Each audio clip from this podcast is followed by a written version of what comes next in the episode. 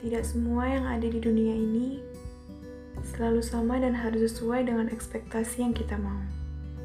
Karena yang sejalan belum tentu membuat nyaman. Justru dengan adanya perbedaan ekspektasi dan realita yang ada akan membuat saya semakin banyak belajar bahwa bumi tak selamanya mengikuti ke mana arah kita pergi.